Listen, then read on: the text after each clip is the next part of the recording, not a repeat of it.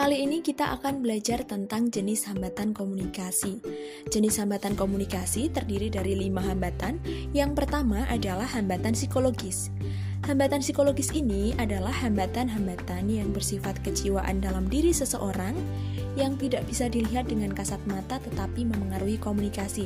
Nah, yang termasuk ke dalam hambatan komunikasi psikologis yakni kepentingan, prasangka, dan stereotip.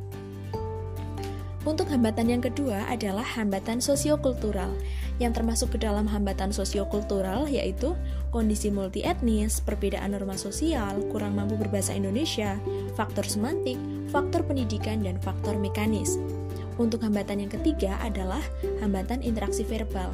Nah, yang termasuk di dalam hambatan interaksi verbal yaitu polarisasi Polarisasi ini adalah kecenderungan untuk menyederhanakan sebuah fakta, peristiwa, objek, dan bahkan manusia dalam kategori baik atau buruk, positif atau negatif, sehat atau sakit, pandai atau bodoh, dan lain-lain.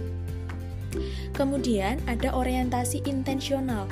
Orientasi intensional ini mengacu pada kecenderungan kita untuk melihat manusia, objek, dan kejadian itu sesuai dengan ciri yang melekat pada mereka.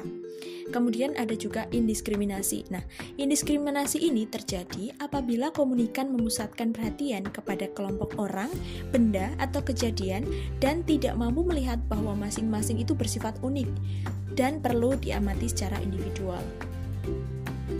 Untuk hambatan yang keempat adalah hambatan antara individu dan organisasi. Nah, hambatan antara individu dan organisasi ini dikelompokkan menjadi dua, yakni hambatan komunikasi antar manusia dan hambatan komunikasi dalam organisasi.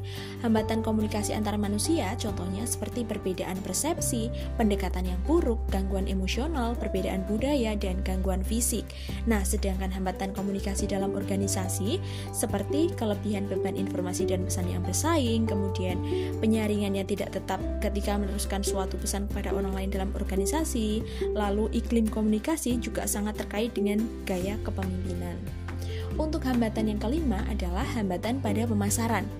Hambatan pada pemasaran contohnya yakni hambatan pada sumber, hambatan dalam sistem encoding, hambatan dalam transmisi pesan, dan hambatan dalam proses decoding.